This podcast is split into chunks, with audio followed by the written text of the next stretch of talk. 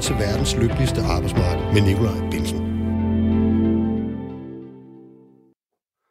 Hvis man har samme alder som mig, og lad os bare sige, den er sådan noget fra de 40 og noget fra de 50, så kan man måske som barn huske, at Danmark i 1985 var tæt på at ende i en generalstrække. Og pædagogerne og håndværkerne og lagarbejderne, de gik rundt med et lille klistermærke, hvor der stod tid til mere, job til flere, 35 timer nu. Historisk set har fagbevægelsens kamp primært drejet sig om at skaffe danske lønmodtagere mere i lønposen og mere fritid. En 35 timers arbejdsuge, det fik man ikke i 85. Men i 90 der blev arbejdstiden for de fleste forhandlet ned til 37 timer om ugen, som vi kender det i dag. De sidste mange år har der ikke været så stort fokus på at nedsætte arbejdstiden, eller i det hele taget at sikre et fleksibelt arbejdsliv.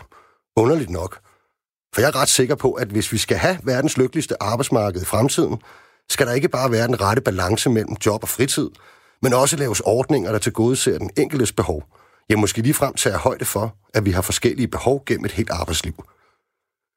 Det pussy er, at mens dette tema ikke har fyldt så meget til overenskomstforhandlinger eller på den politiske arena, så har en række firmaer og enkelte offentlige institutioner, ja sågar en hel kommune, eksperimenteret med forskellige modeller for at indrette arbejdsugen anderledes, eller ligefrem sænke arbejdstiden.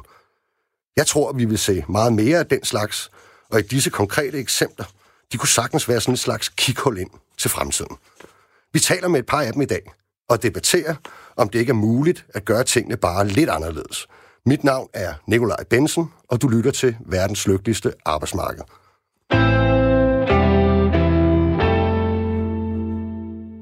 I dag skal vi tale om et fleksibelt arbejdsliv og nedsættelse af arbejdstiden. Og der bliver travlt ved mikrofonerne og telefonerne, for vi får besøg af en HR-chef fra en kommune, en direktør, samt medarbejderen af en IT-virksomhed. Sidst i programmet tager vi den mere politiske diskussion med tidligere erhvervsminister fra de konservative, Rasmus Jarlov, og nyvalgt leder i Alternativet, Josefine Fock. Men allerførst må jeg så ikke godt have lov til at byde velkommen til dig, Troels Ja, goddag. Edsen. Ja, det er mig. Hvad er det, du laver, Troels? Jeg er sygeplejerske på en operationsgang. Jeg bedøver folk hver dag. Ja, du har ikke taget sprøjter med her, vel? Øh, nej, dem har jeg lavet blive hjemme. God idé. Ja. Og øh, det er jo sådan, at... Øh, hvor, mange år, hvor mange år har du egentlig været sygeplejerske? Jamen, det har jeg været i 35 år nu. 35 år. Ja. Og du er hvor gammel? Jeg er 60. Du er 60 år. Ja. Og det er sådan, at øh, du er faktisk gået ned i tid. Det er nemlig rigtigt. Og det gjorde jeg, fordi at øh, jeg blandt andet havde mulighed for også at lave en øh, seniorordning inde på min arbejdsplads. Øh, således at pension og, hvad kan man sige, arbejdsvilkår kan bibeholdes, men at jeg får lidt nedsat tid hver, uge- hver uge, som jeg så bruger en, på en, en ekstra, kan vi kalde det, fridag om måneden. Mm. Hvor, hvorfor er det, du har valgt det? Jamen, det gjorde jeg fordi øh, af to årsager. For det første, fordi at øh, det passede egentlig meget godt ind i vores øh, lille familie derhjemme, at jeg fik lidt mere frihed, og at, øh, at der var den her øh, omtalte seniorordning også, så det ligesom også økonomisk på den lidt lange bane gav mig mulighed for at gøre det her. Mm, Ja, fordi der er jo noget med pensionen, man skal tage højde for. Ikke? Det Hvad- er hvad- der, ja. Jamen, det er sådan, at øh, vores funktionærpension som sygeplejersker er jo ikke verdens højeste. Så hvis vi skal, kan vi sige, øh, opnå en rimelig pension, når vi går på pension, som Ja, for mig er det 67, og for de yngre, der bliver det jo efterhånden ældre. Øh, så, så skal man øh, øh faktisk arbejde mere end fuld tid næsten hele sit liv, for at kunne få en bare sådan en pension, der svarer til det, pensionsselskaberne synes, man skal have, når man går på pension. Ja. Så det har jo været, altså for at det her kunne lade sig gøre for dig, så har man så også skulle kunne lave en, en lokal aftale om det, eller give tilladelse til det. Det er fuldstændig rigtigt, slags ja. Ting, ikke? Jo. Og det er jo fremragende, at det har kunne lade sig gøre i. Ja. i dit tilfælde. Altså, hvad var det, du savnede sådan, i din hverdag, da du, da du arbejdede fuldtid? Jamen, det er jo klart, altså, øh, frihed er jo også en rar ting, og samtidig kunne bibeholde, kan vi kalde det, ens øh, faglige ekspertise, og man ikke bare bliver sådan en slags vikar, der kommer en gang imellem. Så, så fuldtid giver jo mulighed for ligesom at være der, når tingene sker, og med at være med i den udvikling, der er. Øh, med den mulighed, jeg har fået, så er jeg stadigvæk kan jeg stadigvæk være ind i, i øh, altså være en, en fuldgyldig medlem af, af afsnittet, samtidig med, at jeg får bare lidt mere øh, frihed. Mm. Ja, så, så, så, så det er væsentligt det, at, øh, hvad kan man sige, at føle sig som, som, som en, der faktisk bare er en normal medarbejder, og ikke en, der er væk. Præcis. Ja. Er det sådan, øhm, Er det sådan, du kan mærke, at det har betydet noget for din arbejdsindsats? Altså har du fået en større glæde ved at gå på arbejde i virkeligheden? Ja, det synes jeg da nok, fordi at jeg oplever den frihed, så, så får jeg lige lidt, lidt et større åndehul, ikke også? Og så når man er der, så kan jeg bedre, så er der, ligesom, så er der mere energi på, ikke? Mm. Jo. Jeg tror lige, vi skal sige, det kan lytterne jo ikke øh, se, men det kan jeg. Altså, du er jo en, øh, du er jo en frisk fyr at kigge på. Nå, men det er jo bare, fordi ja. der er mange øh, omkring din alder, hvor ja. at, at, at hvis de går lidt ned i tid, så har vi tit en tendens til at at tro, at øh, så er det nok også, fordi de er udbrændte eller nedslidte, ja, ja. eller ikke kan mere, men, men, men for ja. dig er det altså et positivt tilvalg, simpelthen. Øhm. Det er opfattet, det synes jeg, det er, helt ja. klart. Det har ikke været et nødvendigt onde, kan man nej, sige. Nej, vel? nej. Hvordan, er, øh, hvordan skruer du det konkret sammen? Fordi som jeg kender sygeplejersker og hospitaler osv., så, videre, så arbejder I jo ikke 8 til 3 eller 9 til 5 eller sådan noget. I har vel skiftende arbejdstider? Jo, det er der. Vi er der jo 24-7. Ja. Og øh, det betyder så også, at, at øh, jeg kan ikke have en nedskrevet daglig arbejdstid, kan man sige. Det er der måske nogen, der godt kunne ønske sig, men øh, ja, for mig er det så, at jeg har den hele fridag, og det betyder altså noget, i, i, og som jeg er glad for, det betyder noget i mit, i, i mit arbejdsliv. Mm. Og hvordan, øh, hvordan har dine kollegaer taget imod, at, øh, at du har gjort det? Jamen, de synes, det er helt fint, og de kan jo godt se, at der er, det, det er dejligt gode at kunne have, når man kommer hen i, i, som jeg plejer at sige, det sidste trimester af ens arbejdsliv, ikke? Hmm. Det er godt, Troels. Vi ja. gemmer lige dig lidt, ja. for så kan jeg sige, at øh, som den offentlige, det, der, der findes steder, hvor man har, har taget ligesom øh, nogle, nogle andre tag på det her, og en af de første offentlige arbejdspladser, som har beskæftiget sig med at øh, indrette arbejdsugen anderledes. Det er Odshavet Kommune, som har valgt at indføre en fire-dages arbejdsuge som en forsøgsordning. Siden september sidste år har 300 medarbejdere i kommunen kunnet holde fri hver fredag. Men selve arbejdstiden er ikke blevet kortere. Arbejdsugen er på 35 timer fordelt over fire dage, og derudover har medarbejderne så to såkaldte kompetencetimer om ugen. Og nu skulle jeg meget gerne øh, med på en telefon have HR-chefen for Odshavet Kommune, Kirsten Lund Markvartsen. Kan du høre mig, Kirsten? Det kan jeg godt. Ej, det er dejligt at høre. Kirsten, øh, kan du ikke lige prøve at fortælle os lidt om, hvorfor det er, I har indført den her arbejdsuge på fire dage? Jo, det kan jeg godt. Det er faktisk en idé, som er kommet fra vores borgmester, fordi han om fredagen, hvor vi har øh, fire og en halv arbejdstime, ofte oplevede, at der var ret mange medarbejdere, der ikke var på arbejde, fordi de arbejdede hjemme. og den afdeling, han gik igennem, det var vores miljø- og teknikafdeling. Og der har vi mange specialister, som bor lidt længere væk, og de har så valgt at lave aftale med hjemmearbejde med deres ledere, fordi det var langt at køre for fire reelle arbejdstimer. Så det fik øh, øh, ham til at drøfte med kommunaldirektøren, om ikke vi kunne begynde at arbejde med vores arbejdstid på en anden måde, og prøve at gøre det mere attraktivt. Og øh, det har så gjort, at vi igennem halvanden år har arbejdet med at finde en model for fire dages arbejdsuge. Som du selv nævnte, så er det en komprimeret arbejdsuge på 35 timer på, to dage, på fire dage og to kompetencetimer om ugen. og det vi gerne vil med den model, det er både at tilgodese medarbejderne, se om vi kan skabe en bedre trivsel, om man bedre kan få, få tingene til at hænge sammen arbejdsmæssigt og privat, øh, og, og ikke mindst rekruttere og fastholde, fordi vi er jo ude i vandkanten af Nordvestjylland, og der er et stykke vej ind til København. Og på den anden side ville vi også gerne kigge på, om vi kunne øh, betjene borgerne bedre, og det gør vi faktisk ved at have øh, åbningstider fra 7 til 19, hvor man kan bestille møder, og man har, vi har fået en digital hotline, som man kan ringe på i 60 timer om ugen. Så vi prøver sådan set at se gode se øh, både medarbejdere og borgere med den her øh, mm. model. Mm. Jeg skal huske at sige, at man kan sms herind på 1424. Så skal man skrive R4, og så jeres besked efter den mellemrum. Det var 1424, R4, og så jeres besked. Men øh, Kirsten, de der kompetencetimer på to timer, hvordan, hvordan fungerer det med dem? Det fungerer på den måde, at øh, de ligger ud over de her 35, og man kan selv som medarbejder placere dem, når man vil. Det vil sige, at man kan en søndag eftermiddag, som i går, hvor det øges regner hele dagen, nu vælge at arbejde med kompetenceudvikling, og man kan samle det sammen. Det er jo ikke nødvendigvis to timer hver uge. Det kan også være, at man siger, at jeg laver øh, en større ting, eller, øh, som tager øh, længere tid, så man har ret meget frihed omkring de der kompetencetimer.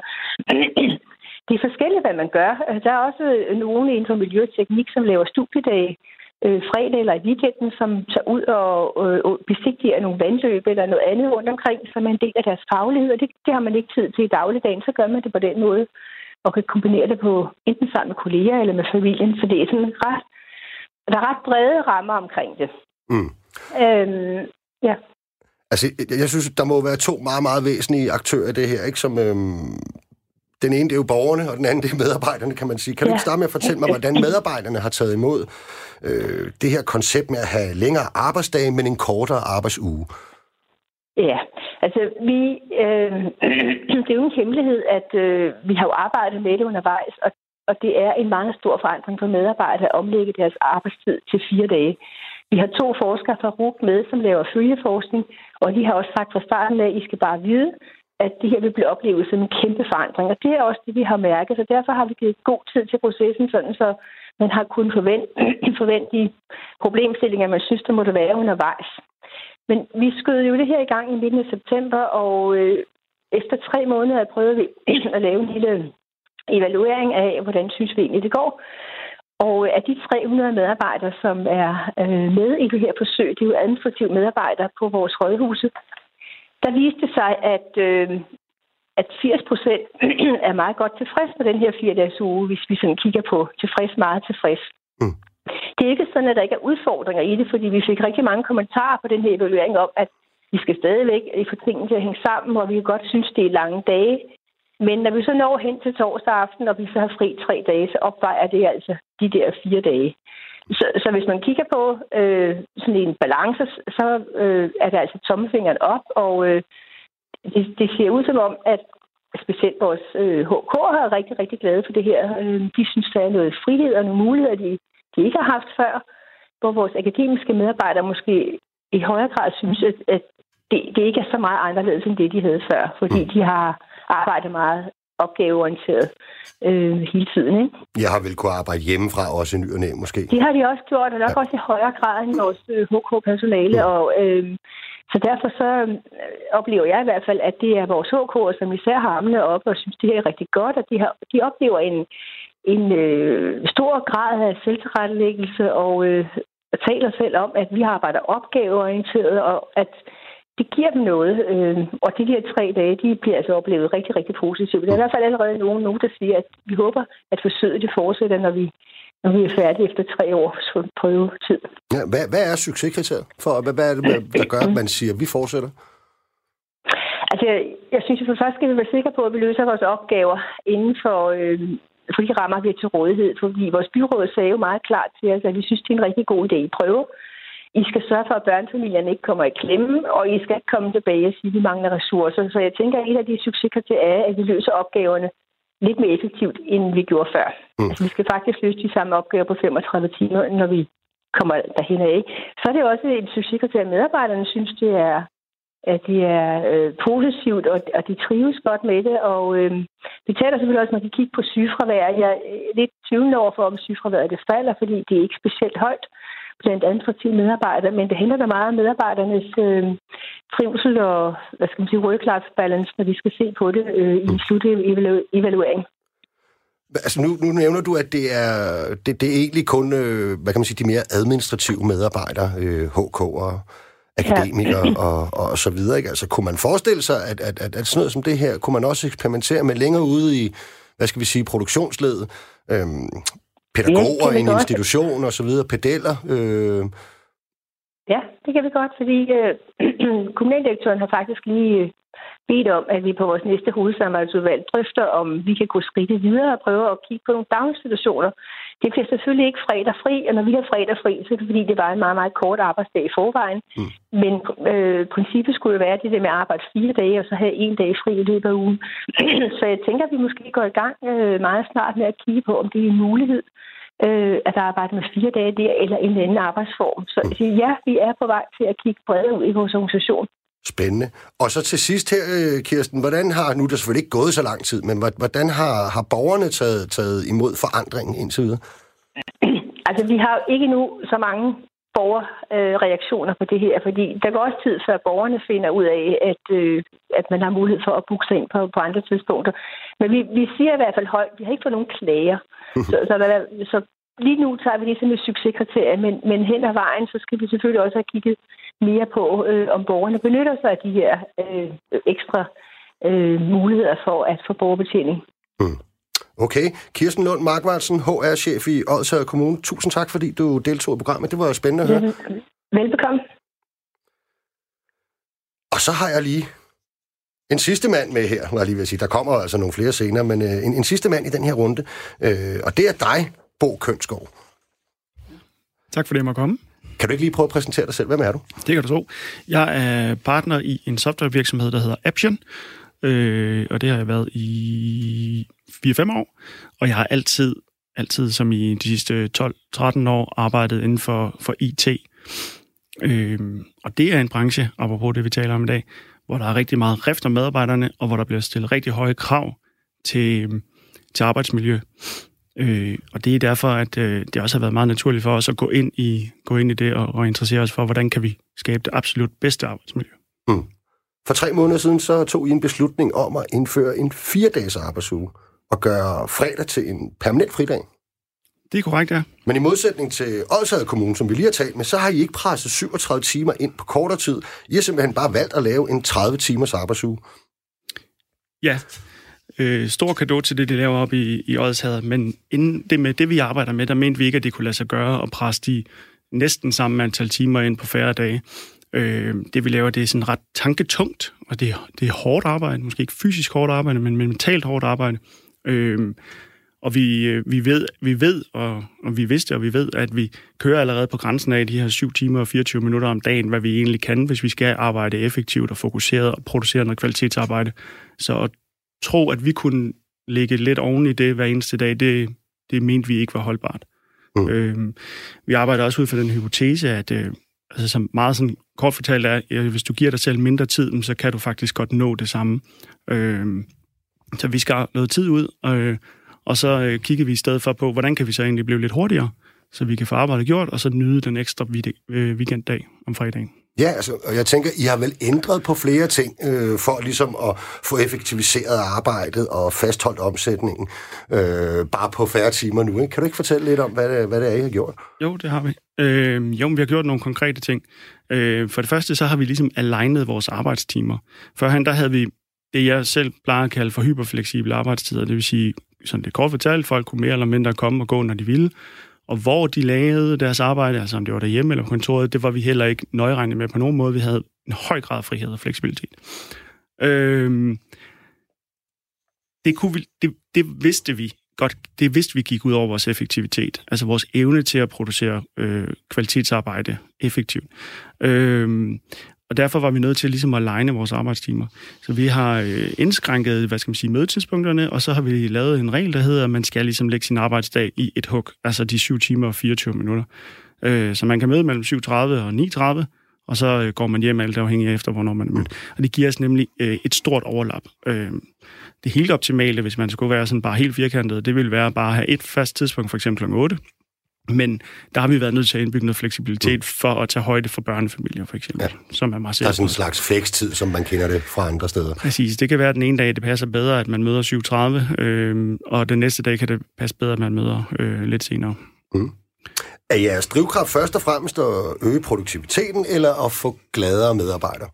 Øh, vores drivkraft er helt klart at fastholde glade medarbejdere. Mm. Øh, og det har noget at gøre med, at den, altså det har blandt andet noget at gøre med, at den branche, vi ligesom øh, arbejder i, men der, jeg hørte en analogi den anden dag, som jeg genbruger, øh, stjæler i hvert fald, øh, det er, at jamen, vi, vi, alle os virksomheder, vi fisker ligesom i det samme hav eller den samme sø, men der er flere øh, Øh, kroge i vandet, end der er fisk at fange, og derfor er vi selvfølgelig nødt til at kigge på vores øh, konkurrenceevne på den front. Når det så er sagt, så er det altså ikke den overvejende bevæggrund. Øh, vi vil gerne operere ligesom med flere bundlinjer i det her, at en ting handler om at tjene penge, anden ting handler om at have en fed virksomhed, hvor det er fedt at arbejde, hvor man er glad for at være. Ikke bare som medarbejder, men, men alle, alle er glade for at være her, også kunderne. Mm. Hvordan, øh, hvordan har jeres medarbejdere taget imod det? Jamen, øh, de har taget godt imod det. Øh, når man sådan bare lige skal forholde sig til sådan, kunne du tænke dig at beholde den samme løn, men bare øh, holde tre dages weekend i stedet for to, så er det jo klart, at alle klapper i hænderne. Men øh, efter, altså i forbindelse med vores implementering, der har vi faktisk kunne, kunne øh, spore en lille nedgang i det, der hedder vores ENPS-score. Altså det er en måde, hvor vi ligesom monitorerer medarbejdernes tilfredshed på. Den har så siden rettet sig og har kommet til et nyt og højere niveau. Men jeg tror, det er lidt ligesom de var inde på for at, at, det, at det er forandring, og forandring er sådan, uanset om det er til det bedre, så kræver det en omstilling, og den kan godt være lidt hård, og det kan godt gå ud over sådan stressniveauet for eksempel. Mm. Men øh, vi, øh, vi, vi føler selv og kan ligesom monitorere os frem til, at vi er over den værste pukkel på det punkt. Øh, og mm. det ser rigtig godt ud. Vores medarbejdere er glade for det. Ja. Troels, ja. Hvad, hvad tænker du, når du hører sådan nogle øh, eksempler her? Din er jo sådan meget individuel, hvad kan jo, man sige? men det er jo, altså, hvad skal man sige, øh, det, er jo, det lyder inspirerende, synes jeg virkelig. Øh, man kan sige, at min virkelighed er jo en organisation med omkring 10.000 medarbejdere, og vi skal jo have, øh, vi har jo også et produktivitetskrav, kan man sige, ikke også? Og de teams, der er på hver operationsstue, de, de er nødt til at være der på de givende tidspunkter, for ellers så kan vi jo ikke, så kan vi ikke levere den operation og, og med det øh, udstyr og med alt det, der hører til til det, til den mm. patient. Så, det, øh, så, så derfor er det lidt sværere for os at kunne, kunne have den form for, for fleksibilitet, som, som, som du snakker om, men det kunne da være dejligt at have det, og have den mulighed. Det er helt sikkert. Men øh, det er lige som det ser ud nu, øh, også med mange på sygeplejersker og alt muligt andet, så, så, er, det, så er det nok en, det er nok en svær øvelse. Det er ikke meget svær. Nej, det er ikke helt lige om hjørnet. Nej, fordi det er vel sådan egentlig, at, øh, at utrolig mange sygeplejersker også har valgt at gå ned i tid. Ikke så meget på grund af det, du har fortalt os, men fordi man simpelthen synes, at... Øh, at man bedst kan holde til det, hvis man øh, lægger nogle færre timer, ikke? Jamen, det er helt sikkert, ikke? Og det er jo en af de store årsager til også, at der er så stor mangel på sygeplejersker hjemme i øjeblikket. Og det er jo fordi, at der er så mange på deltid, og de er netop på deltid, for de synes, at, øh, kan vi kalde det produktivitetskravet, for at sige det sådan, er, øh, er ekstremt højt, når man er inde på de enkelte afdelinger, ikke også? Øh, og, og derfor er jeg nødt til, som, som min kollega sagde til mig, jamen jeg er på deltid, men altså, når jeg ser på, hvor meget overtid jeg har fast nærmest hver uge, så er jeg på fuld tid. Og det er jo ligesom, det er jo den virkelighed, vi også er i, mm. i den her sammenhæng. Men, men det kunne jo være dejligt, fordi det er helt klart, også arbejdsmiljømæssigt, og en form for rekruttering og ting og sager, at det er et helt klart, et enormt stort gode, at man har den mulighed for fleksibilitet, også i arbejdstid i forhold til at gå lidt op eller gå ned, lidt ned, mm. som, som det har vi trods alt også stadigvæk. Jeg kunne jo godt gå ind og gå op i tid igen, hvis det var, at jeg havde lyst til det. Mm. Og Bo, der kan man vel sige, det er jo en af de forskelle, der er, øh, ja, blandt andet på det offentlige og det private, men vel egentlig også på, hvad for en type virksomhed man har, at hvad kan man sige, kvalitetskravet til det produkt, man nu engang skal, skal levere, det er jo helt vidt forskelligt, ikke? Og, og nogle har en, en, en noget mere... Øh, altså, patienterne på det hospital skal altså behandles individuelt, om man så må sige, ikke? Og jo. ud fra helt øh, særlige betingelser, som kun gælder dem, hvor I vel i højere grad kan sætte nogle kvalitetskrav op, som er mere almindeligt gældende, eller hvad? Øh, nu leverer vi blandt andet også ind til det offentlige og ligesom underlagt på den, øh, på den led de samme kvalitetskrav. Vi har også en, en meget høj, et høj, altså, øh, vi sætter barn rigtig højt i forhold til kvalitet og arbejder med kvalitet, men øh, fire dages arbejdsuge har faktisk været en del af det, at kunne opnå den kvalitet. Og det er fordi, vi ved, at øh, kvalitet, det kræver øh, stærkt samarbejde, øh, og det kræver, at du er, har mentalt overskud, veludvilet, frisk, engageret. Øh, så på den måde, så mener vi helt klart, at det bidrager til det. Når det så er sagt, noget af det, der er, det, det, det er jeg jo godt klar over, at det er langt nemmere for, for os med 43 medarbejdere at lave den her omstilling, end det er for Rigshospitalet eller for Odsad Kommune. Øh, så, og det var egentlig også en af grundene til, at vi ligesom to springer og sagde, at nu skal det være, for ellers så bliver vi måske for store til at gennemføre det. Mm. Altså, jeg, jeg synes jo, der er noget, noget rigtig interessant over, at, at, at jeres greb på det her, det lidt taler imod Øh, hvad kan man sige, nogle gange almindelig økonomisk logik, ikke? Altså, vi har jo været lidt vant til at tænke, at jamen, det er enten eller. Altså, øh, enten så øger vi produktiviteten og tjener flere penge, øh, eller også så sænker vi øh, arbejdstiden, ikke? Om man så må sige, ikke? Øh, men der er jo noget både og over jeres model i virkeligheden. Altså, det er der helt klart. Jeg tror egentlig, den der med at øh, altså øge produktivitet eller øge output ved at lægge flere timer ind, den, den tror jeg simpelthen ikke på længere. Øh, jeg ved ikke, om jeg nogensinde har troet på det. Men altså, vi kan se, at i dag, når vi kigger ned i vores... Øh, vi har et, sådan et timeregistreringssystem, at vi kan levere det samme absolute antal timer ud, som vi kunne førhen. Altså det vil sige, altså på 80% af tiden kan vi nå 100% af opgaverne. Og på en eller anden måde giver det meget god mening, fordi at når du altså bare tager den der helt, jamen du har bare mere overskud, fordi du er ikke sådan helt slidt ned. Mm. Øh, du, øh, du, du har et, et anderledes engagement til din opgave, du har et større fokus på det, at nu bruge tiden rigtigt. Mm. Men så har vi så også taget sådan nogle andre værktøjer i brug, som blandt andet arbejder ind i sådan noget med ikke at forstyrre hinanden. Altså vi arbejder nu efter en, en teknik, der kaldes Pomodoro, hvor vi arbejder i 25 minutters fokuserede intervaller, og så holder vi 5 minutters pause. Øh, og det gør, at man ikke forstyrrer hinanden hele tiden. Sådan nogle små greb skal der også til. Mm. Og så er vi kommet til det tidspunkt i programmet, hvor vi siger farvel til dig, Troels. Tusind Jamen, tak, fordi du var kommet. Øhm, ja. Og tak, fordi jeg måtte komme. Ja, det var nogle spændende betragtninger, som ligesom var den her individuelle model øh, omkring den her vej. Nu skal vi langsomt have debatten over mod det mere politiske, og så skal vi lige have skiftet lidt ud i studiet.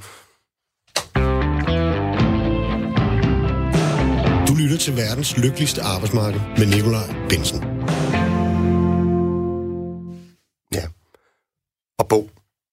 Den her arbejdsuge, I har indført, det er jo sket af egen fri vilje og på jeres egen måde. Men øh, mener du, det ville være en god idé, hvis man politisk besluttede at reducere arbejdsugen til bare at være 30 timer all over? Øh, jeg tror desværre ikke, at det er så enkelt, men jeg vil da ønske, at jeg bare kunne sige det, og jeg kan i hvert fald øh, dokumentere en hel masse øh, altså gode effekter, som vi har. Altså, øh, og erfaringer, vi har gjort os. Og jeg mener helt klart, at det er noget, der kan rulles ret bredt ud. Jeg mener også, at virksomheder, de virksomheder, som selv bestemmer i hvert fald, de burde ikke tyve med at komme i gang med at kigge på det. Okay. Og på den note, så kan jeg jo ligesom gå videre til dig, Josefine Fock, og sige velkommen til, til her til programmet. Tak for det. Øh, og velkommen tilbage til dansk politik, kan man yeah. vel egentlig også sige. Ikke? Du er blevet, der er jo sket noget her lige på det sidste, ikke? Det må man sige, ja tak. Du er blevet valgt som, ja, I kalder det vel leder af Alternativet. Politisk leder, ja. Politisk leder af Alternativet. Og du var jo med helt fra starten i Alternativet, øh, og der var du også med til ligesom at søge at Alternativets bud på en, en model for en 30 timers arbejdsuge. Kan du ikke starte med at fortælle, øh, hvorfor Alternativet mener, at arbejdsugen skal være kortere for alle end de 37 timer, vi har i dag?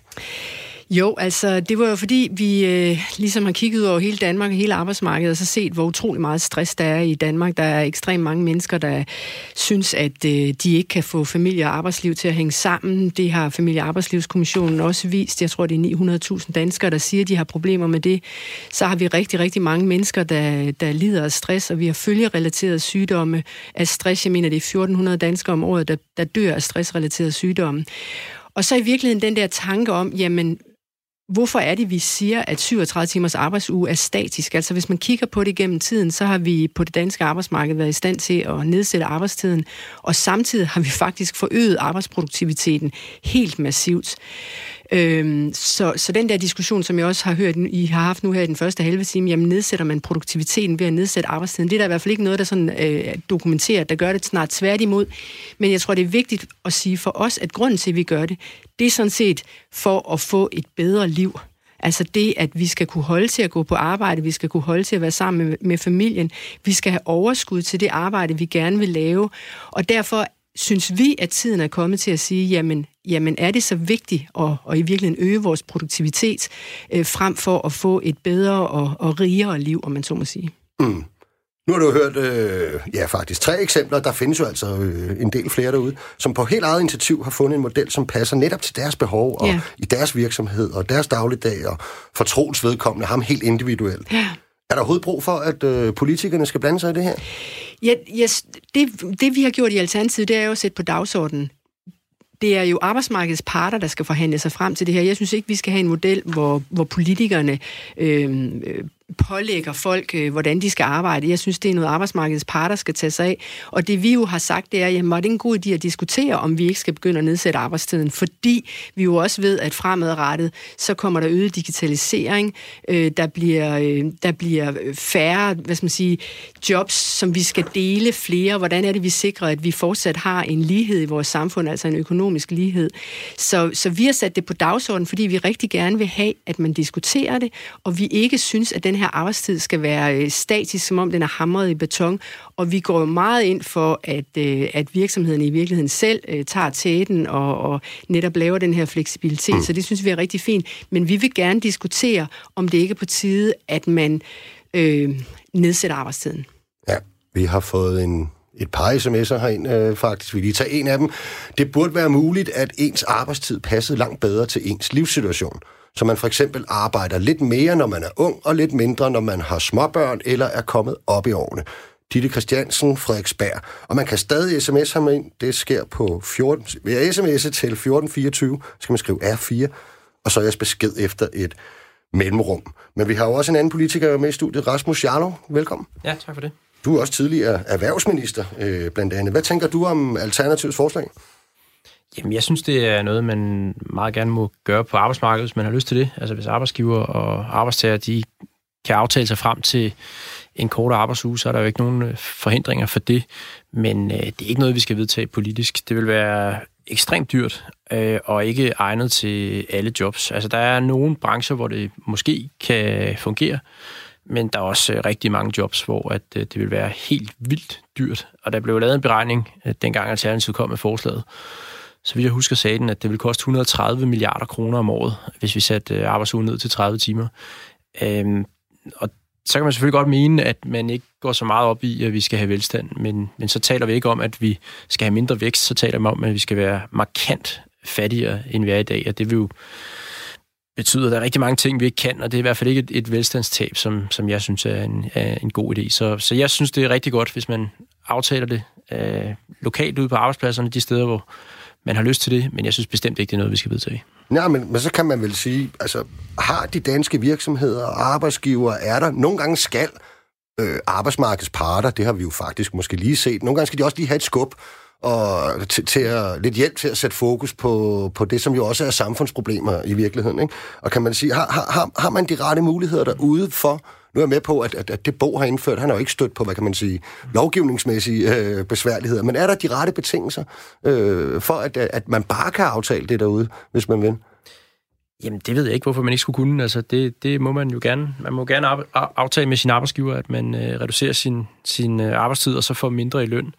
Øh, man må også gerne aftale med sin arbejdsgiver, at man reducerer sin arbejdstid, og så får mere i løn, øh, hvis man har en arbejdsgiver, der gerne vil det. Øh, jeg tror ikke, der er så mange af dem, men, øh, men det må man jo i, i princippet godt. Så, øh, så det kan man gøre, øh, ligesom man vil. Og jeg synes ikke, at vi skal sætte skub i det. Altså, øh, mange gange så er det meget bedre, hvis politikere blander sig udenom. Altså den der øh, individuelle ordning har man faktisk øh, i, i langt de fleste offentlige overenskomster, altså det man kalder plustid, hvor man kan aftale enten at gå op eller ned i tid. Det der er problemet, det er der ikke så mange, der bruger den. Det må vi jo være ærlige at sige. Ikke?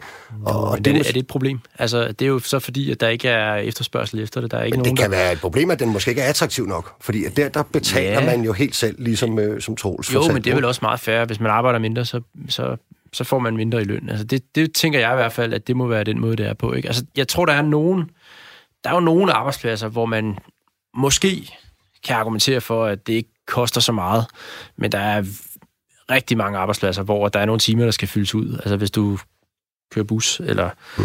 laver et eller andet andet, hvor at bussen skal ud og køre hver dag, jamen så kan du ikke bare nøjes med at køre øh, fire dage om ugen, fordi så skal arbejdsgiveren betale for den sidste dag også. Mm. Jamen, jeg synes bare, det er rigtig interessant i virkeligheden at stille sig spørgsmålet om, øh, hvorfor er det, at, at vi ikke kan diskutere nedsættelsen af arbejdstiden? Altså, hvorfor er det, at vi ikke kan, kan sikre, at, at vi som mennesker har det bedre, og vi ved, der er kæmpe stressproblemer øh, i dagens Danmark. Og så bare lige for at knytte en kommentar til, til Finansministeriets regnestykke, der er blandt andet ikke taget hensyn til det, vi kalder afledte effekter, altså om folk reelt får det bedre af at arbejde mindre. Ikke? Der har man ligesom bare plottet os ind i et regnestykke og så sagt, mm. at det koster så så meget. Og det er jo også fordi, man i det regnestykke laver en forventning om, at vi skal blive rigere, end vi er i dag. Altså hvis vi, hvis vi snakker om at holde os på status quo og siger, jamen det velfærdssamfund, vi har i dag, med den lighed, vi også har, øh, altså økonomisk lighed blandt mennesker, hvis vi gerne vil bevare det, jamen så er det ikke det samme regnestykke. Og derfor synes jeg jo, det er rigtig interessant. Så tror jeg også, det er rigtig vigtigt at sige, at, øh, at, at at der, den der fleksibilitet i forhold til, hvad er det, der passer til det enkelte menneske. Vi går jo ikke ind og siger, at alle kun må arbejde 30 timer. Vi siger, at det vi gerne vil diskutere, det er, om skulle man nedsætte den 37 timers normtid, vi har i dag, til en 30 timers normtid. Altså sådan, at nogen kan arbejde mere stadigvæk, og andre kan arbejde mindre. Øh, men at så se på de positive effekter, som jeg også synes, det viser med alle de eksempler, vi har, at, øh, at folk får det faktisk bedre. De får et større overskud til at præstere på det arbejde, de så har, og de får et større overskud til at være sammen med deres familie. Mm. Altså, der findes flere eksempler på arbejdspladser, øh, end dem, vi har talt om, der har indført en kortere arbejdsuge. En af dem, det er IT-virksomheden IIH Nordic. Og nu tror jeg faktisk, at vi har direktøren for IIH Nordic med over en telefon. Er det, er det rigtigt? Det er det, ja. Hej, Henrik Stenmann. Velkommen til programmet. Hej. Øh, jo, tak. Kan du ikke lige kort til, I var vel i virkeligheden nogle af de første, der gjorde det her for nogle år tilbage, ikke? Jo, vi gjorde det for tre år siden, og træffede egentlig beslutningen for fem år siden, at vi ville arbejde hen mod en øh, fire-dages arbejdsuge. Hmm. Hvordan, hvordan er jeres model? Kan du ikke lige riste den op øh, kort? Den øh, hedder 30 timer, det samme med løn, øh, fri, om, fri om fredagen, og, og så ellers, øh, man kan sige, med stadigvæk krav om at skulle levere øh, til kunderne, og sikre, at medarbejderne de sådan set stadig øh, trives under de øh, øh, ændringer, som vi har foretaget. Mm. Men, men I, har, I har ligesom også gjort nogle... I har iværksat en hel masse andre ting for ligesom at, at kunne opretholde øh, en produktivitet og lave nogle effektiviseringer. Hvad er det, I har, I har gjort? Ja, vi, har taget, vi har lavet rigtig mange forskellige initiativer i forhold til, hvordan man øh, arbejder og stille spørgsmålstegn, hvordan man egentlig arbejder. Og der var det faktisk øh, meget, meget interessant at se, at vi meget hurtigt kunne se, at hvor, hvor, hvor meget vi bare arbejder på automatpiloten, altså alt lige fra møder, mails og forstyrrelser og lignende ting og sager, var det meget tydeligt at se, at vi sådan set bare var lignende fuldstændig alle mulige andre virksomheder, som kører ud af. Øhm, og det er jo faktisk noget af det, som vi har gjort op. Måden, vi arbejder på. Mm. Øhm, og tilpasse det 2020, og ikke øh, 1990'erne eller noget længere tilbage. Mm. Og hvad er det? Det er konkret. Det er noget med at indføre nogle, nogle, nogle skarpere regler på møder og mails og sådan nogle ting, og hvad? Ja, altså nu kan man sige, at jeg har været ude øh, og holdt foredrag for rigtig mange store virksomheder. Og hver gang, så, når jeg taber ind i for, for eksempel øh, møder og mails og forstyrrelser, så er det noget, alle har en, en, øh, noget, de kan ikke genkende til. Øhm, og der er det i hvert fald helt, helt tydeligt, at øh, vi som samfund arbejder ekstremt meget på automatpiloten, bare for at sige, jamen hvorfor er et møde en time, og ikke nødvendigvis 45 minutter. Øhm, den måde, vi har behandler mails, det tror jeg, alle kan genkende til. Men hvad er der egentlig sket på 25 år, øh, hvor jeg selv var en forsøgsklasse, og var de første, nogle af de første på det store internet øh, i gymnasiet. Øh, når man så kigger på en mail, der er faktisk ikke sket det store. Der er ved at ske noget, men ikke det store. Så det var egentlig meget nemt at finde ud af, at der var faktisk rigtig mange ting, som er totalt spildtid. Mm. Det, det synes jeg er interessant. Altså også det der med netop alle de forstyrrende elementer. Nu kan jeg være lidt fræk at sige, at i, i min dagligdag, der er nogle af dem, der forstyrrer allermest, det er cheferne. Øhm, hvordan øh, stiller det ikke også nogle krav til, til, til lederne, det her? Ja, du stiller højt til lederne om, at øh, man går ikke bare hen og forstyrrer øh, uden man ligesom øh, ved, at det er okay at forstyrre. Øh, vi, øh, vi kører også øh, hvor, med, med røde lamper, hvis man ikke vil forstyrres, og det respekterer. Øh, mm. specielt lederen, det skal de respektere. Øh, men så handler det i virkeligheden også om at sige, at når man indkalder for eksempel til et møde, så skal folk vide, hvorfor skal de være med til møde. Øh, sidder der nogen, der ikke er relevante, øh, og kan vi, er der i hele taget behov for et møde, kunne vi ikke bare lige stikke hovederne sammen, tale om det, og så ellers komme videre. Mm. Det Spændende. Ved jeg godt, det kan alle organisationer nødvendigvis ikke, men, men der, der er rigtig meget på, den, på den, det mm. område, der hedder møder og mails. Mm. Du har fortalt til Dagbladet Information, at IH Nordics projekt er langt fra Alternativets eller Enhedslistens idé om en 30-timers arbejdsuge. Den er sat i verden på privat initiativ og fungerer på rene markedsvilkår ud fra en idé om, at det kan svare sig. Øhm, hvad siger du til, Josefine Fokker, Alternativets model? Det er vel okay, at de også øh, melder sig på banen? Øh, undskyld, til mig? Ja, det var til øh, dig, Henrik, ja. Ja, ja men øh, altså, jeg, jeg, øh, det skal så siges, jeg har intet imod øh, hverken Alternativ eller, øh, øh, eller Enhedslistens deres tanker om 30 timers arbejdsuge. Det, der er for mig at se, øh, det er, at det, det er i hvert fald vigtigt, at, at man så også er med på at, at ændre måden, man, man arbejder på. For hvis vi bare går ned i arbejdstid, så er jeg sådan set enig i de økonomiske øh, rapporter og analyser. Altså, så, så, så tror jeg, man kommer til at skyde sig selv i foden. Øh, og det har det jo så også vist, når man har set i udlandet, at de steder i plejehjem i Sverige, hvor de bare gik ned i arbejdstid, øh, uden at gøre nogle andre øh, ting anderledes, der, der, der lykkes det ikke. Så, så jeg, jeg tror meget på, at, at der, skal, der skal noget mere til end bare en nedsat arbejdstid. Øh, der skal, der skal noget mental forandring ind. Øh, der skal noget mere teknologi og noget mere viden. Øh, og det kræver faktisk, at man har noget øh, fritid til at kunne omstille sig. Mm. For vi kan ikke forandre os, hvor vi er allermest travlt. Det tror jeg ikke på. Godt. Henrik Stenmann, direktør i IT-virksomheden IH Nordic. Tusind tak, fordi du medvirkede. Det var nogle, øh, nogle, nogle spændende erfaringer, I har gjort det. Ja, jamen så tak. Nå, Rasmus Jarlov. Altså, nu har du hørt en række eksempler, ikke? og jeg synes vel, noget af det, de jo alle sammen taler om, og lige om lidt, så kan Bo lige få lov også at, at komme ind, tænker jeg. Altså, det er jo den her, øh, at det ikke kan stå alene, det er nedsat arbejdstiden. Man skal selvfølgelig lave en anden effektivisering. Ikke? Hvorfor kan vi ikke øh, også bare tage den del af erfaringerne med? Der burde jo være noget at hente for den offentlige sektor, for store dele af det danske samfund, ikke? Jo. Jeg, jeg synes, det er øh, rigtig interessant, men det er lidt en akademikerdiskussion, øh, fordi øh, sådan en IT-virksomhed, der er der nok meget om, at man kan arbejde meget mere effektivt, men hvis du arbejder som vagt, eller øh, buschauffør, eller øh, du har ansvar for en, en skadestue, der skal være døgnbemandet, jamen så nytter det jo bare ikke noget, at du kun er der fire dage om ugen, fordi så skal du betale øh, ekstra løn for dem, der så skal være der om, om, om fredagen. Øh, og derfor skal man passe på med, at man, man sidder og tænker på de her IT-arbejdspladser, og tror, at det kan udbredes til hele resten af samfundet. Øh, jeg er stor tilhænger af fritid. Jeg er stor tilhænger af, at man får slappet af, og man får hvilet ud, og man derved får energi til at få nogle kreative tanker. Øh, men jeg tror, vi skal lade være med at presse en model ned over hele samfundet. Jeg tror, det er en rigtig god idé, hvis man er ude på de enkelte arbejdspladser finder ud af, hvad der virker for dem. Mm. Bo, du sagde jo øh, tidligere, at du faktisk godt kunne forestille sig, at, øh, at, at det her det faktisk kunne bredes ud til, til andre brancher? Jamen, det tror jeg også helt sikkert, det kan. Øh, når det så er sagt, så er min egen hustru, hun er bioanalytiker på, på Odense Universitetshospital, og jeg ved, de løber så stærkt, som de overhovedet kan. Så hvis de skulle lave 100% output på 80% af tiden, så kunne det ikke lade sig gøre. Der skal altså nogle andre modeller til. Øh, men hvis jeg bare kigger på, på os selv og den type virksomhed, som vi er, øh, så, så mener jeg, at man kan rulle det meget bredere ud. Og der, der, der vil jeg egentlig bare appellere til de virksomhedsledere, der er der om, eller sidder derude, og så bare, bare komme i gang med at prøve det af. Altså, vi, lavede, vi har lavet to omsætningsrekorder, mens vi har gjort det, så outputtet af det kan i hvert fald sagtens stå mål med det. Mm. Jeg øh, er helt enig i, at det er rigtig vigtigt at se på måden, vi arbejder på. Altså det har man jo også kunnet gøre netop i, i fagbevægelsen og, og i forhandlingerne med, med, øh, på arbejdsmarkedet gennem tiden. Ikke? Vi arbejder jo mere og mere effektivt i dag, men jeg tror, det er helt rigtigt, som vi også hører her i, i indslaget, at, at de der mails, der vælter ind over osv., altså hvordan er det, vi sikrer, at vi faktisk har en, en, en, en, en ordentlig måde at arbejde på. Jeg tror så godt, det kan udrulles til, til andre fag også. Øh, fordi jeg, jeg er helt overbevist om, at, at med den nye teknologi, vi har osv., hvordan er det, vi organiserer os rent arbejdsmæssigt, den, det tror jeg jo heller aldrig stopper, at man kan, at man kan øh, øge fleksibiliteten, og, og hvordan er det, vi, vi rent konkret arbejder. Men der er faktisk noget, vi slet ikke har været inde på.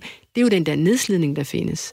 Altså, øh, AI-rådet og 3F øh, opgjorde i, i 2015, at en ud af fire 3F'er var nødt til at forlade arbejdsmarkedet, før de fyldte 60 på grund af nedslidning.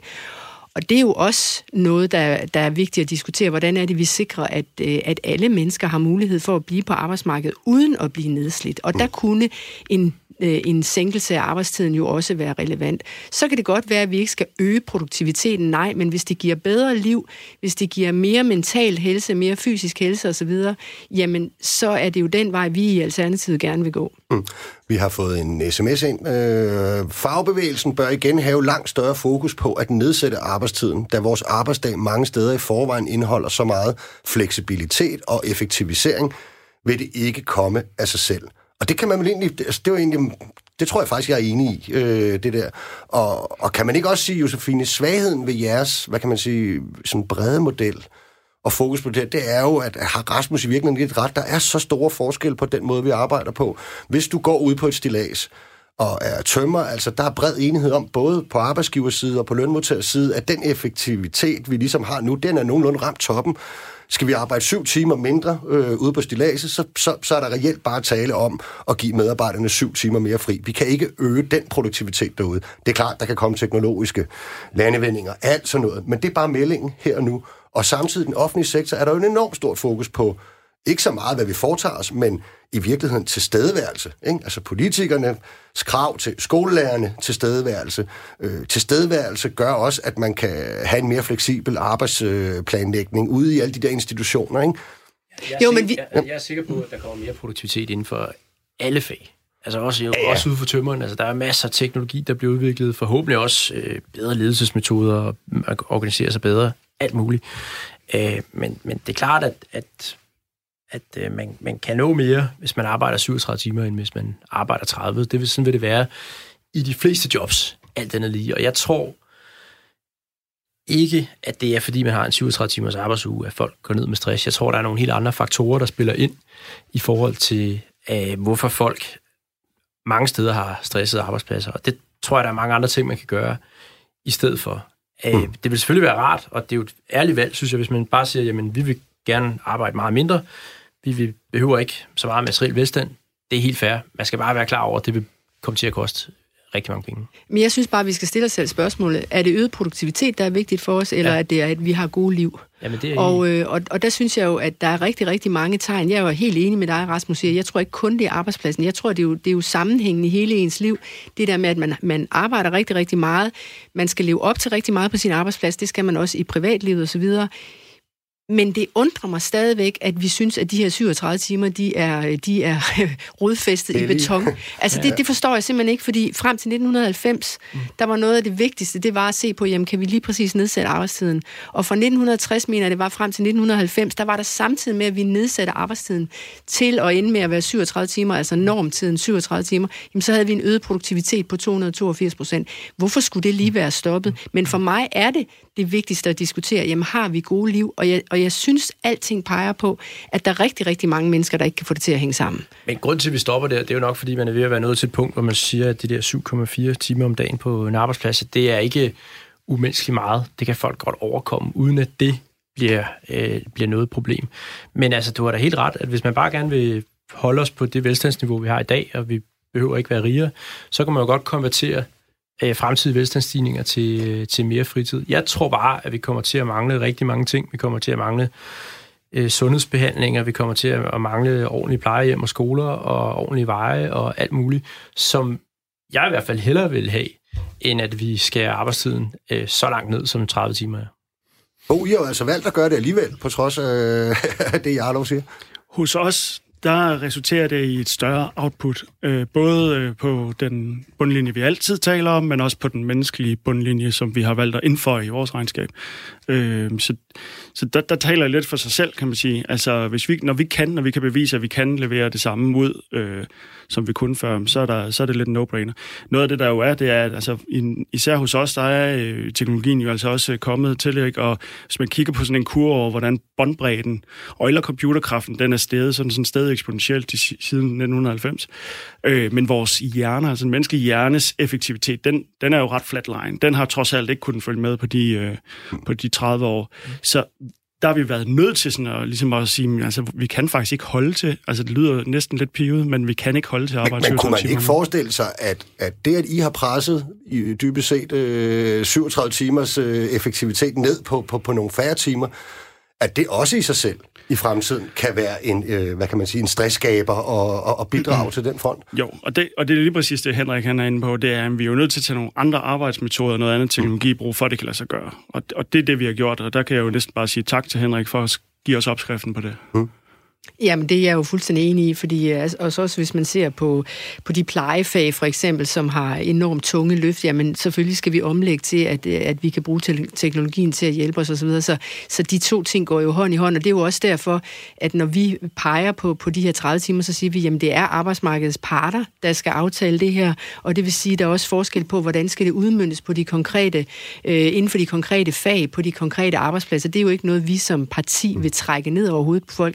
Vi synes bare, at det er på tide at diskutere, fordi vi kan se, at der er så mange negative afledte effekter i virkeligheden af vores samfund i dag i forhold til øget stress, øget nedslidning osv., og det er det, vi synes, man skal tage rigtig alvorligt. Mm. Nu har vi jo hørt en række eksempler øh, i, i dag, hvor man har eksperimenteret med, med, med anderledes øh, fleksibel arbejdstid. Ikke? Det, vi ikke har set eksempler på så meget, det er jo det, som faktisk en, en lytter sms'et ind om, ikke? Øh, at at vi, vi er på forskellige tidspunkter i vores liv og har nogle forskellige behov. Øh, altså jeg vil sige, at alle de år, jeg har været på arbejdsmarkedet, der, der står det mig ret klart, at det er sådan, det hænger sammen. Jeg ved det også selv som forældre og så videre. Ikke? Altså når vi er unge, så vil vi gerne tjene nogle gyser. Vi kan sådan set sagtens arbejde 50 timer. Så får vi børn. Og i starten, altså, der kan jeg bare sige, hvis, hvis ikke man vidste, at man havde utrolig meget fritid øh, som ung uden børn, så finder man det ret hurtigt ud af det, når man får børn. Og så bliver man ældre og vil måske gerne have lov til at bidrage lidt mere. Det kan være, at det hjælper, at man, at man får noget andet. Hvorfor kan vi ikke snakke om det her som en statsbank, for eksempel, øh, Jarlov? Lave et system. Men vi hvor... har jo et system. Altså, vi har jo et fremragende system, der sikrer, at man kan arbejde mere i nogle øh, perioder af sit liv end, øh, end andre. Øh. Men det betyder, at man skal gå ned i løn eller op i løn. Ja. Og så skal du ligesom selv spare sammen til det. Vi har ikke det system, jo, som for eksempel... vi har det system, og det hedder opsparing. Ja. Øh, og, og, og det betyder, at man kan arbejde hårdt, når man er ung, så kan man sætte lidt til side, og så kan man tjene lidt mindre, mens man har, øh, har små børn, og så kan man måske... Men er det ikke en meget individuel løsning på, på, jo, hvad er det på med det? Jo, ikke nødvendigvis noget, ja. men, det, men, men hvad vil der være i vejen med? Altså, vi kan, vi kan lave alle mulige komplicerede systemer her i Danmark for det ene og det andet. Hvad nu, hvis man sagde, at inden for det offentlige, for eksempel til at starte på, så laver vi en statsbank. Hvis jeg øh, lægger nogle flere timer, den afspacering skal jeg ikke nødvendigvis bruge men, men, de har jo fuldstændig på den samme arbejdsplads. Den kan jeg gemme til nogle andre det, arbejdspladser det, længere tid. Det er det, vi fuldstændig har i dag, og det fungerer jo fantastisk. Det er jo et genialt system, øh, som hedder opsparing, og man kan, man kan låne penge, og så kan man, så kan man bruge flere, når man, øh, når man ikke har så meget tid til at arbejde. Jeg synes, det fungerer fremragende får ikke Jarlov med på den statsbank, kan jeg godt. Hvad, hvad tænker du om, sådan noget? Nå, men jeg ved jo, der er flere inden for, for arbejdsmarkedet, der har tænkt den her tanke, ikke? at man kunne for eksempel lave en tidsopsparing i ATP, for eksempel, altså, mm. ligesom man gør i ATP, ikke? man kunne lade dem forvalte det. Så selvfølgelig kan man tænke i det, og det er jo også det, vi, vi synes bare, man skal gå i gang med at, at tænke tankerne, være lidt kreativ derude, fordi, øh, fordi der er de her positive effekter, og jeg, og jeg er jo også helt enig i netop på, på, på et livsforløb, der har man enormt forskellige behov.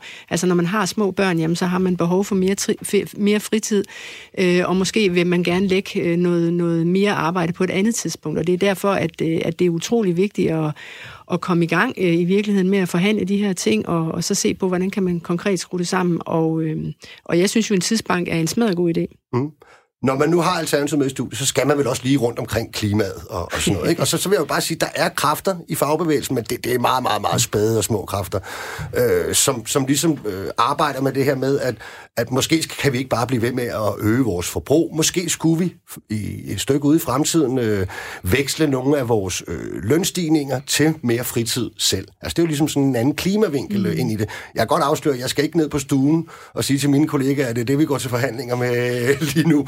Og det tror jeg heller ikke, man, man vil komme igennem med industrien og andre steder. Men, øh, men er der et, et vist klimaperspektiv i det her også? Nå, men det er da klart, at der er det. Altså, vi, øh, vi er jo den opfattelse, at vi kan ikke blive ved med bare at massivt øge produktiviteten i en lille linje, som vi har gjort i, i hele 1900-tallet. Det kan simpelthen ikke lade sig gøre, øh, fordi det kan kloden ikke holde til. Og, og så er det jo nu, når vi ser konsekvenserne både for klimaet, men også for os som mennesker. Altså, det gode liv, hvad er det gode liv? Jamen, det gode liv er ikke nødvendigvis, at du øh, tjener mere og mere. Det gode liv er ved efterhånden at være at sige, jeg har også mere fritid, jeg har, mere, øh, jeg har brug for mere fritid til at være sammen med min familie. Og når du ligger på dødslejet til sidst, så kan man jo stille sig selv spørgsmål, kunne vide, hvad det var, der var vigtigt der. Der kender jeg ikke mange, der har sagt, nej, det var, jeg skulle, skulle have købt den der Audi A4, da jeg, havde, øh, da jeg havde tiden til det. Eller jeg havde ikke tid til det, det var ærgerligt, jeg ikke havde tid til at købe den. Det var måske at være sammen med familie og venner og, mere for, øh, og, og have tid til sine børn osv. Ikke? Mm. Gør det indtryk på dig, at der også måske er en klimavinkel, øh, Jarlo? Jeg ved, det, det faktisk er noget, øh, I også går op i, det konservative. Øhm, ja, jeg er måske lidt svært at se sådan en direkte kobling, øhm, men, men, men jeg er da helt, altså jeg er jo helt enig i det der med, at man skal hele tiden overveje, om det, man ønsker med sit liv, øh, især på personligt niveau, og selvfølgelig også som samfund, er det, at vi skal have mere og mere velstand. Øh, jeg vil gerne have, at vi får mere velstand. Det vil jeg være ærlig om, omkring, at øh, jeg synes, det er godt, at vi har vækst. Så jeg, jeg går ind for, at vi skal være mere velstående, så vi har råd til ordentlig behandling af de syge og de nyeste behandlingsmetoder, vi kan have ordentlige skoler, vi kan have ordentlige veje, vi kan opgradere vores IT-systemer, og vi kan spille en forskel, øh, gøre en positiv forskel i verden osv. Det går jeg ind for. Øhm, og jeg synes ikke, at, øh, at der er behov for, at vi sådan presser 30 timers arbejdsuge ned over alle danskere, men jeg synes, det er en fremragende idé, at man ved sig selv overvejer, øh, hvad det er, man gerne vil med sit liv, og om man overvejer, om det, man gerne vil, det er at arbejde øh, så meget som muligt. Det er ikke nødvendigvis lykken, men jeg synes, det er et individuelt valg. Jeg synes ikke, det er noget, vi skal bestemme på politisk niveau. Bo Kønskov, stemme fra virkeligheden her øh, til aller, aller, aller sidst hurtigt.